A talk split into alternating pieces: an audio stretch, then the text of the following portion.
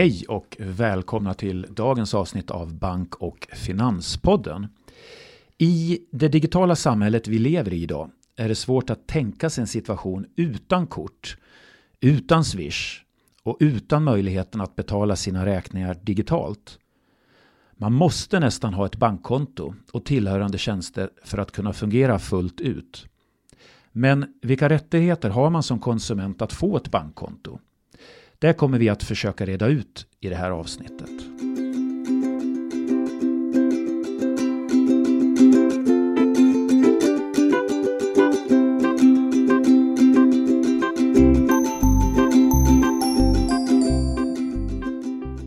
Jag heter Fredrik Pettersson och med mig i studion finns som alltid min kollega Eva Lindström. Hej Eva! Hej Fredrik! Jo, för en tid sedan så fick vi ju en lite rolig utmärkelse av en bank att vi var en av de tio bästa privatekonomiska poddarna. Vad tyckte du om det? Ja, men det var ju superkul. Ja, speciellt det här var väl egentligen lite hobbyprojekt vi hade från början. Att vi, vi skulle prova hur det gick att podda. Men ja, jättekul att vi fick den här utmärkelsen.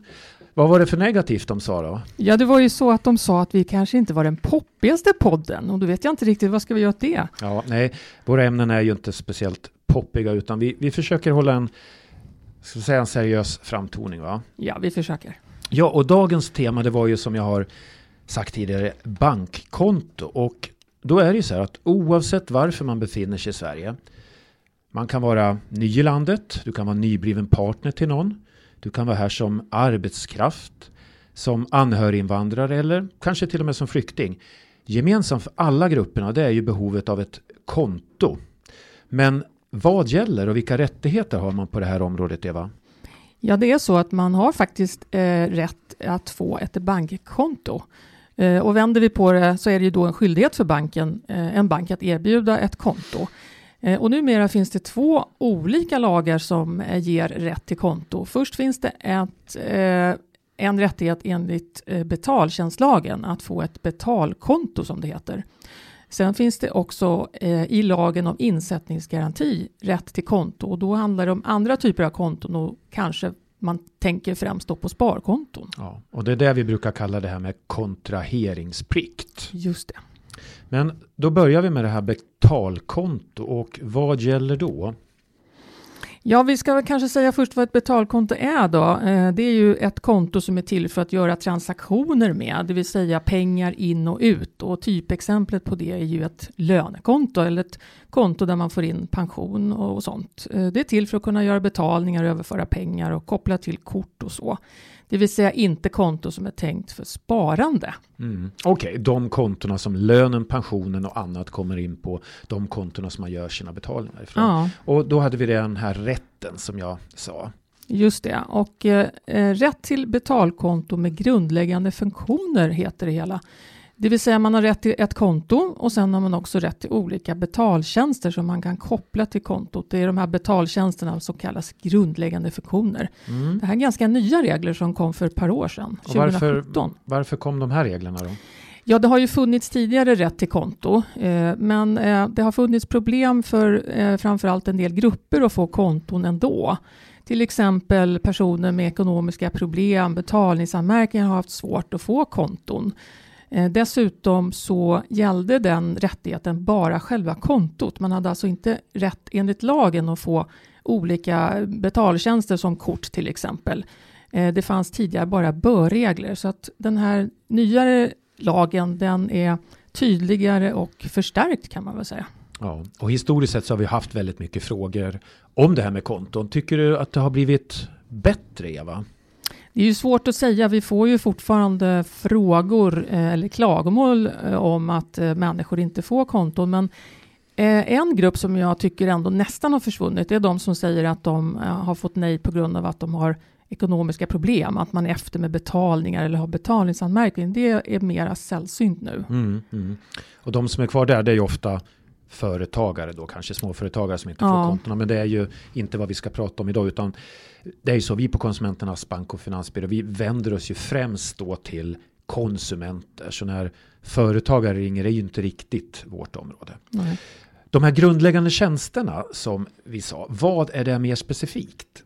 Eh, det finns en, lite exempel på vad det är och det är då framförallt att man ska kunna göra betalningar. Då tänker vi på att betala räkningar.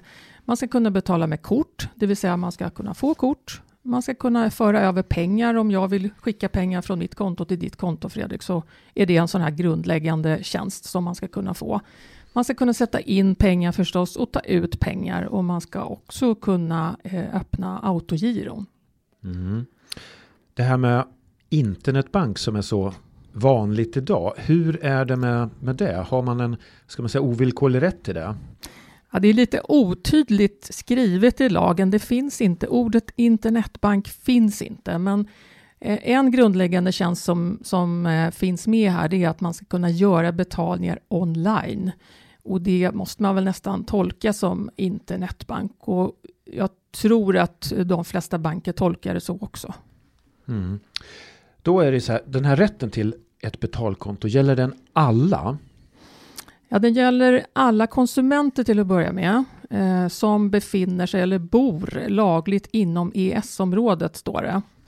Eh, det betyder ju då exempelvis eh, människor som kommer från andra EU-länder, studenter som är här, gästforskare, men även asylsökande omfattas av de här reglerna.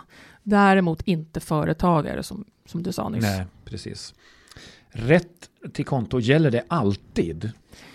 Eh, ja, man kan säga så här, det är, det är en rättighet men den är inte ovillkorlig. Om man tänker sig någon slags två vågskålar då, så man tänker mm. sig rättigheten i den ena vågskålen och så hittar man kanske lite skyldigheter eller man hittar skyldigheter i den andra vågskålen. Vad skulle det kunna vara för skyldigheter? Ja, det är ju så att eh, en bank måste följa penningtvättsreglerna. För att erbjuda ett konto till en ny kund så måste man eh, helt enkelt gå igenom penningtvättskraven. Eh, och då handlar det om att bedöma kunden. Finns det, finns det risk för penningtvätt hos just den här kunden? Eh, och sen kallar man det här för att man måste skaffa sig eh, kundkännedom. Och det är egentligen två delar där kan man säga. Det består dels av att man ska kontrollera den här kundens identitet. Man måste visa upp en ID-handling. Och den andra delen är att man ska, måste fråga kunden vad han eller hon ska ha konto till. Vad är syftet med kontot? Och syfte, det, det kan man ju tycka är ganska självklart. Jag, jag vill ha mitt konto för att kunna ja, använda det. Men vad menas mer djupgående med syfte?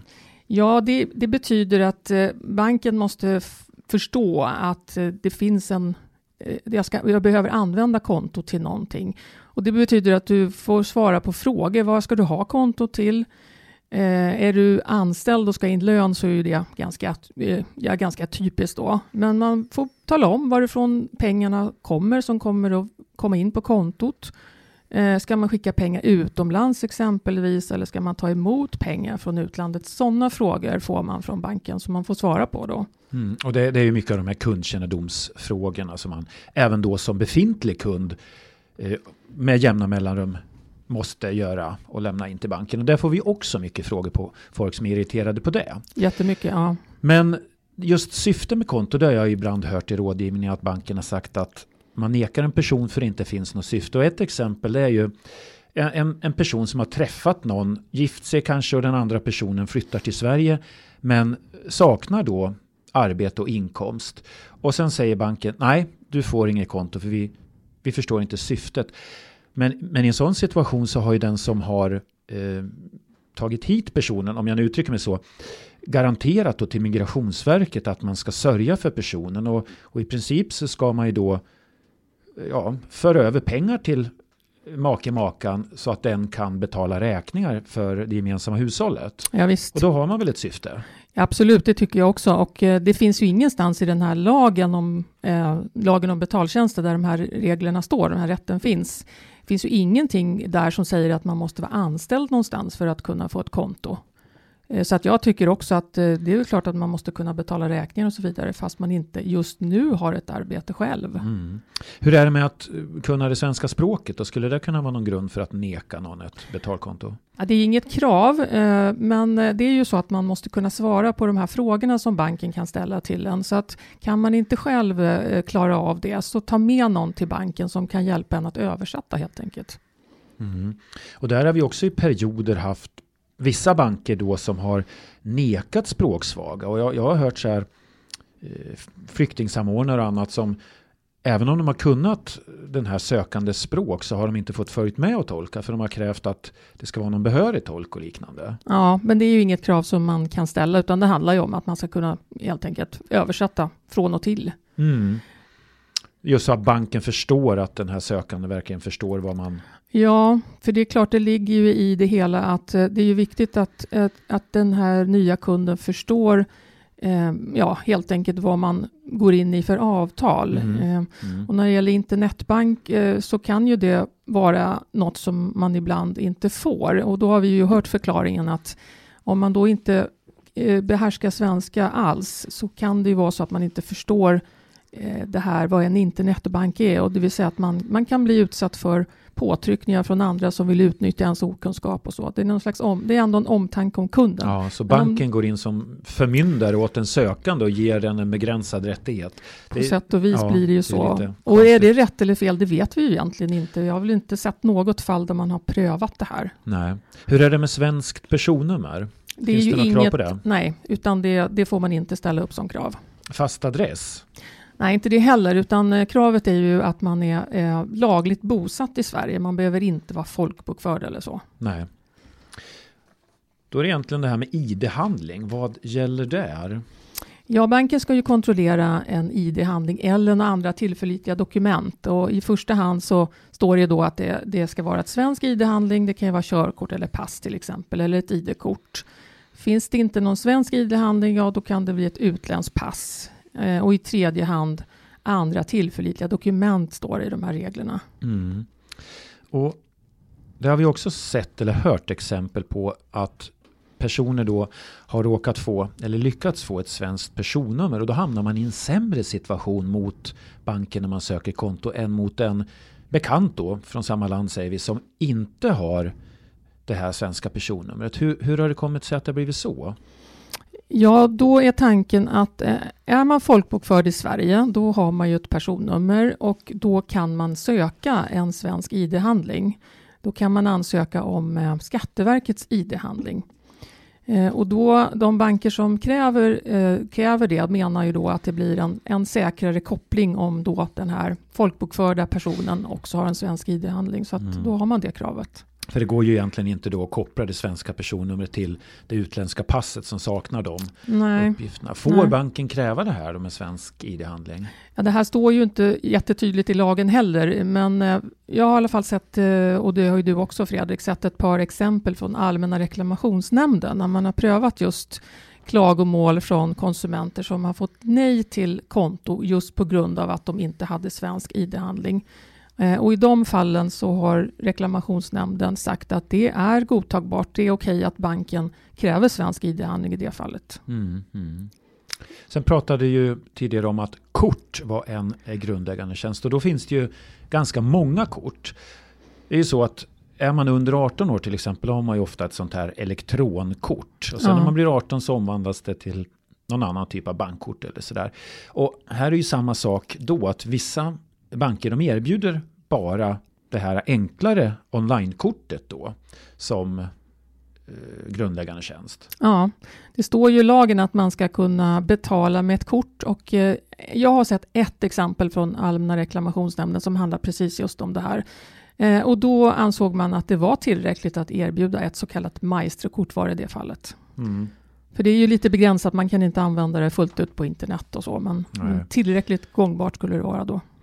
Men när man då har presenterat allt det här och om banken då tycker att någonting saknas, att man inte uppnått full kundkännedom, avslår man då ansökan? Ja, det är ju så att eh, om banken inte uppnår den här kundkännedomen som det heter så får man faktiskt inte, eh, så får man inte erbjuda kunden konto. Nej. Men om vi säger att man har uppnått full kundkännedom. Finns det några andra godtagbara skäl för banken att neka konsumenten kontot? Ja, eh, man kan neka eh, på grund av särskilda skäl som det står, men de här särskilda skälen är ju inte preciserade i lagen. Eh, men det finns lite exempel på vad det skulle handla om. Och ett sådant exempel är att man tidigare misskött sig mot, mot den här banken på något sätt. Och vad skulle misskötsel kunna vara då? Ja, det är svårt att säga för att man eh, samtidigt så eh, är det ju inte tillräckligt för avslag att man eh, inte har betalat tidigare krediter i tid eller att mm. man har betalningsanmärkning. De här sakerna är inte misskötsel. Eh, det är inte mer preciserat än så här. Mm.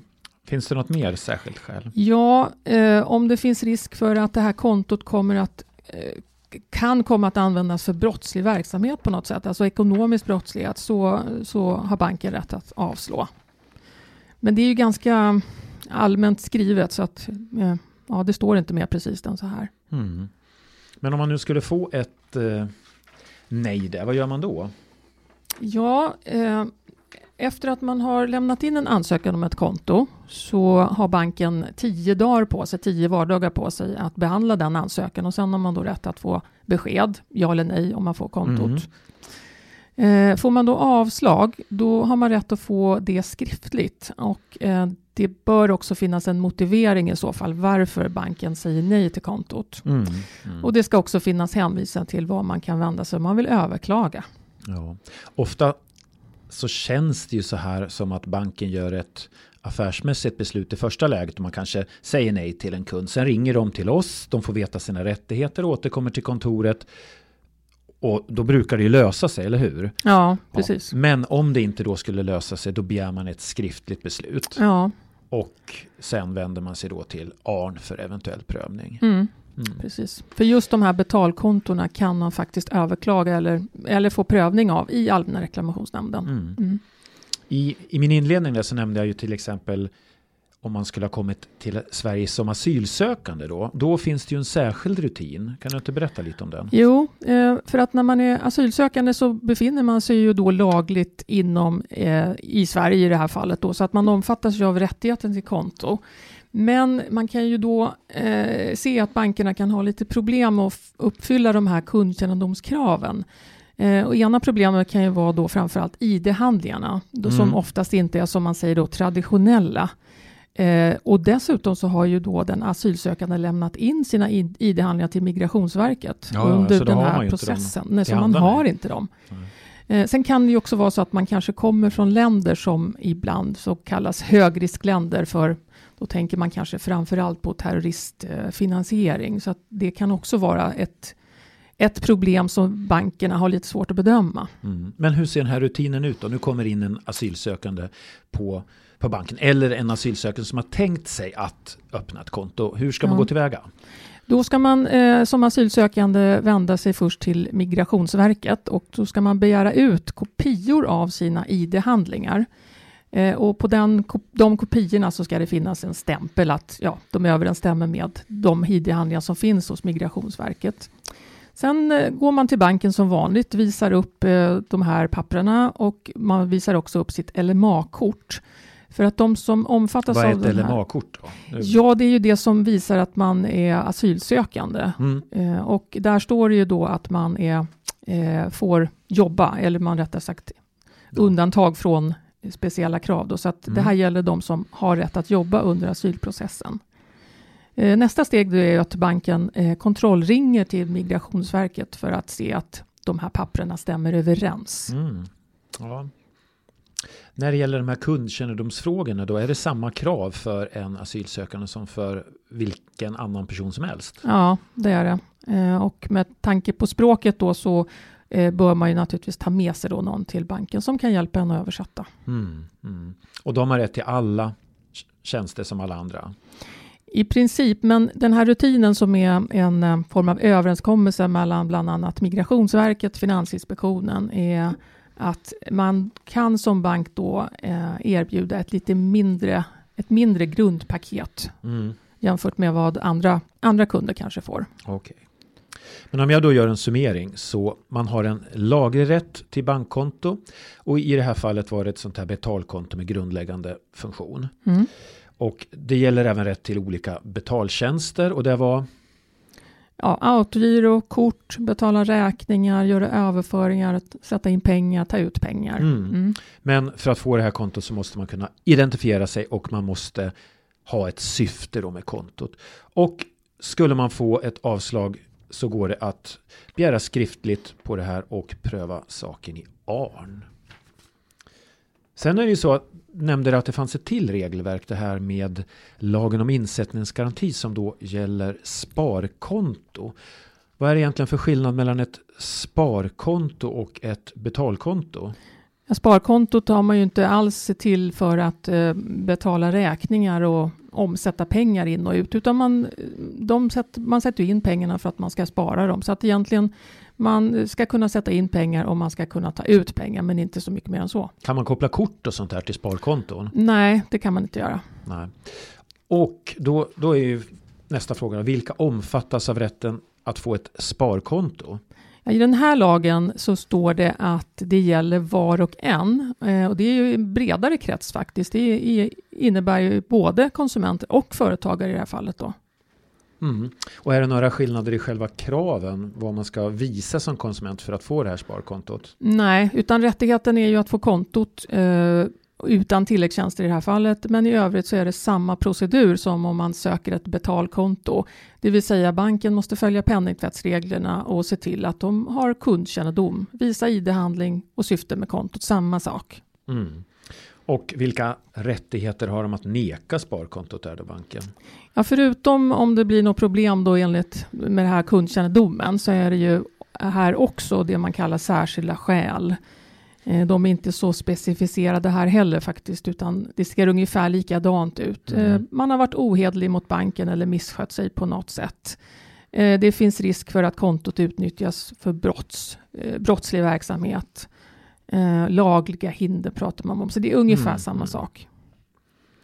Och utifrån den här lagen så var det ju tidigare ganska vanligt att man fick avslag utifrån ekonomiska problem, att man hade betalningsanmärkningar och lite sådär. Och hur, hur såg de reglerna, eller ser de reglerna ut?